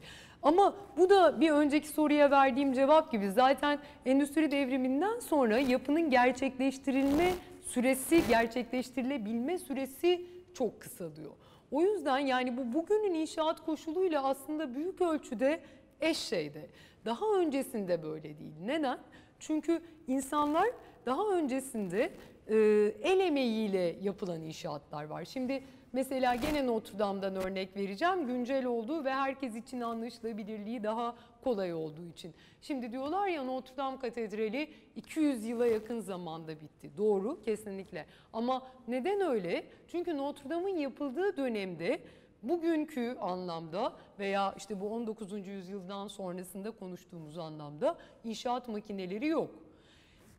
İş şeyi anlamında konuşacak olursanız, meslek adamı anlamında konuşacak olursanız mimar meslek adamı olarak yok. İnşaat mühendisi meslek adamı olarak yok. Kimler var?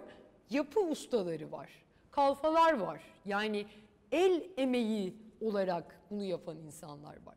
Tabii bunun o anlamda üretim süreciyle bugünkü anlamda üretim süreci çok farklı. Bu ama sadece inşaat sektörüne özgü bir şey değil. Bu işte nasıl mesela tekstilde de değil mi? Yani e, elde ördüğünüz dantelle ve gidip satın aldığınız masa örtüsünün üretim süreci arasında çok büyük fark var. Ama başka açılardan o mu bu mu konusunu ideolojik olarak belki değerlendirebilirsiniz. Ama süre olarak baktığınız zaman sürede bu anlamda teknolojinin getirdiği artıdan kaynaklı bir şey var.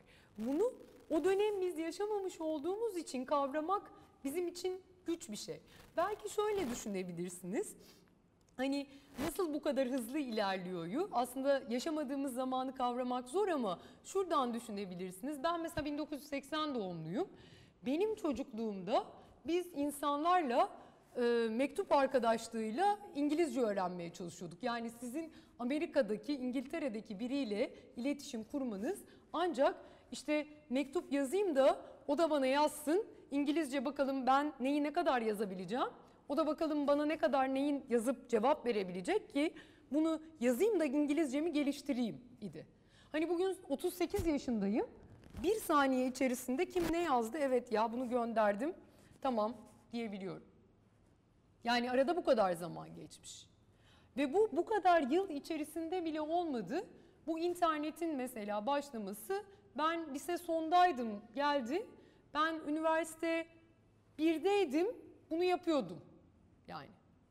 Hani bu kadar hızlı seyrediyor. Örneğin bilişimde tamam Bu bilişim biz bugün bunu bir bilişim tarihi olarak incelemiyoruz ama bunun gerçekleştiği zamanda da endüstri devrimini bir endüstri devrimi tarihi olarak incelemiyorlardı.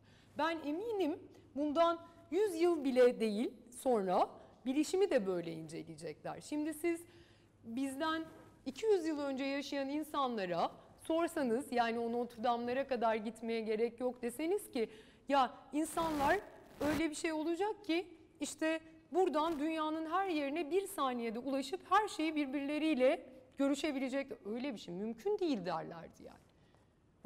Ama- bu kadar kısa zamanda bir yıl iki yıl içerisinde bu sistem oturur hale geç, gel- geldi.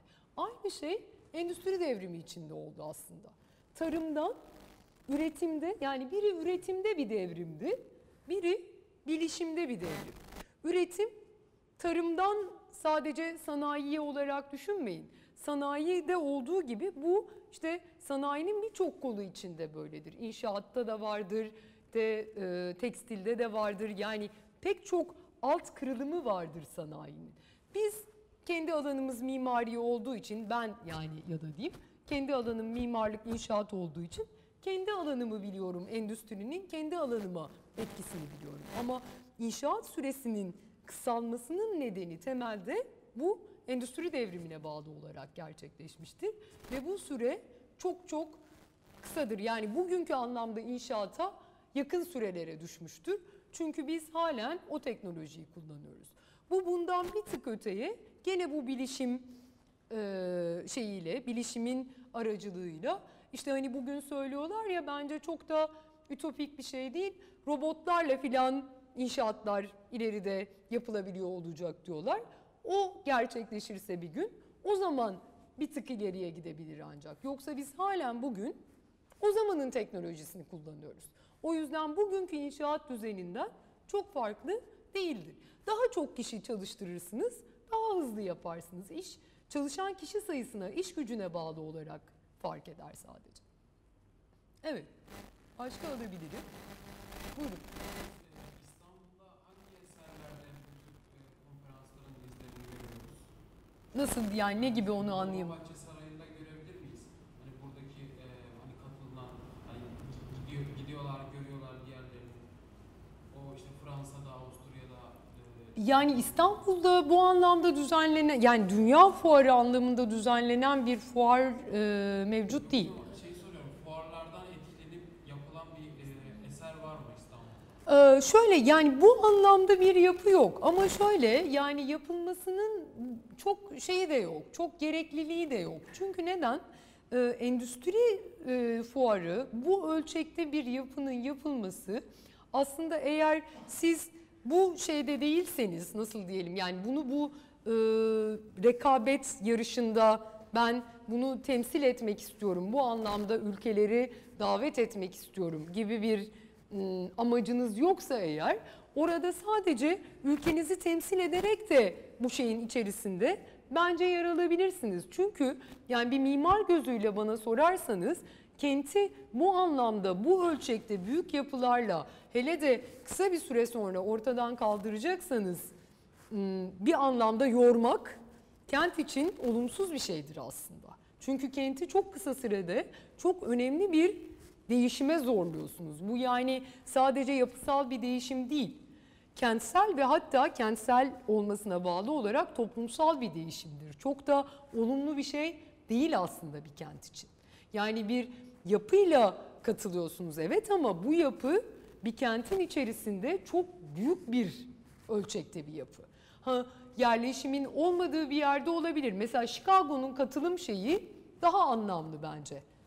Yani mimari olarak daha güzel güzel değil anlamında söylemiyorum bunu. Sizin söylediğiniz anlamda rasyonel bir yere oturtmak anlamında söylüyorum. O şekilde uzun vadeli değerlendirecek olursanız öyle bir şey düzenlenebilir.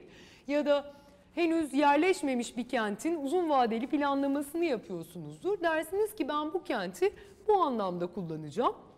Yıllar içerisinde de burada şu şu şu fuarları burada gerçekleştireceğim. O zaman burada bu yapıyı yapayım. İşte atıyorum 5 yılda bir de bu yapıları şu anlamda yenileyeceğim. Bu şekilde bir planlama yapayım denebilir. Ama burada konuştuğumuz kentler hepsi çok büyük kentler. Yani bir İstanbul çok büyük bir kent, bir Paris'te, bir Viyana'da çok büyük kentler, bir Londra'da çok büyük bir kent. Böyle bir şeyi İstanbul'un o dönemde yapması bence İstanbul için aksine olumsuz bir etki ederdi diye düşünüyorum ben. Yani yapılarla olan fuarlara katılması bence İstanbul için mimar gözüyle bana sorarsanız daha e, olumlu olmuştur diye düşünüyorum. Evet.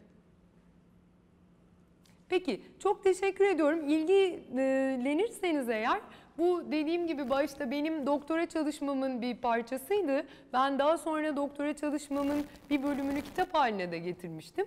Eğer ilgilenirseniz Rümeysa Hanım'a e, iletmiştim ben iki tane e, kitap getirmiştik. Hani bu tabii bir bölümü bu e, şeyin sadece sunum. E, ilgilenirseniz burada hep beraber sohbet ederken o da böyle elden ele dolaşabilir başka şeylerinden hani e, sohbet ederken e, şey yapabilirsiniz. Sormak istediğiniz başka konular olursa gene ben keyifle paylaşmaktan büyük mutluluk duyarım. Tekrar çok teşekkür ediyorum hepinize. Peki.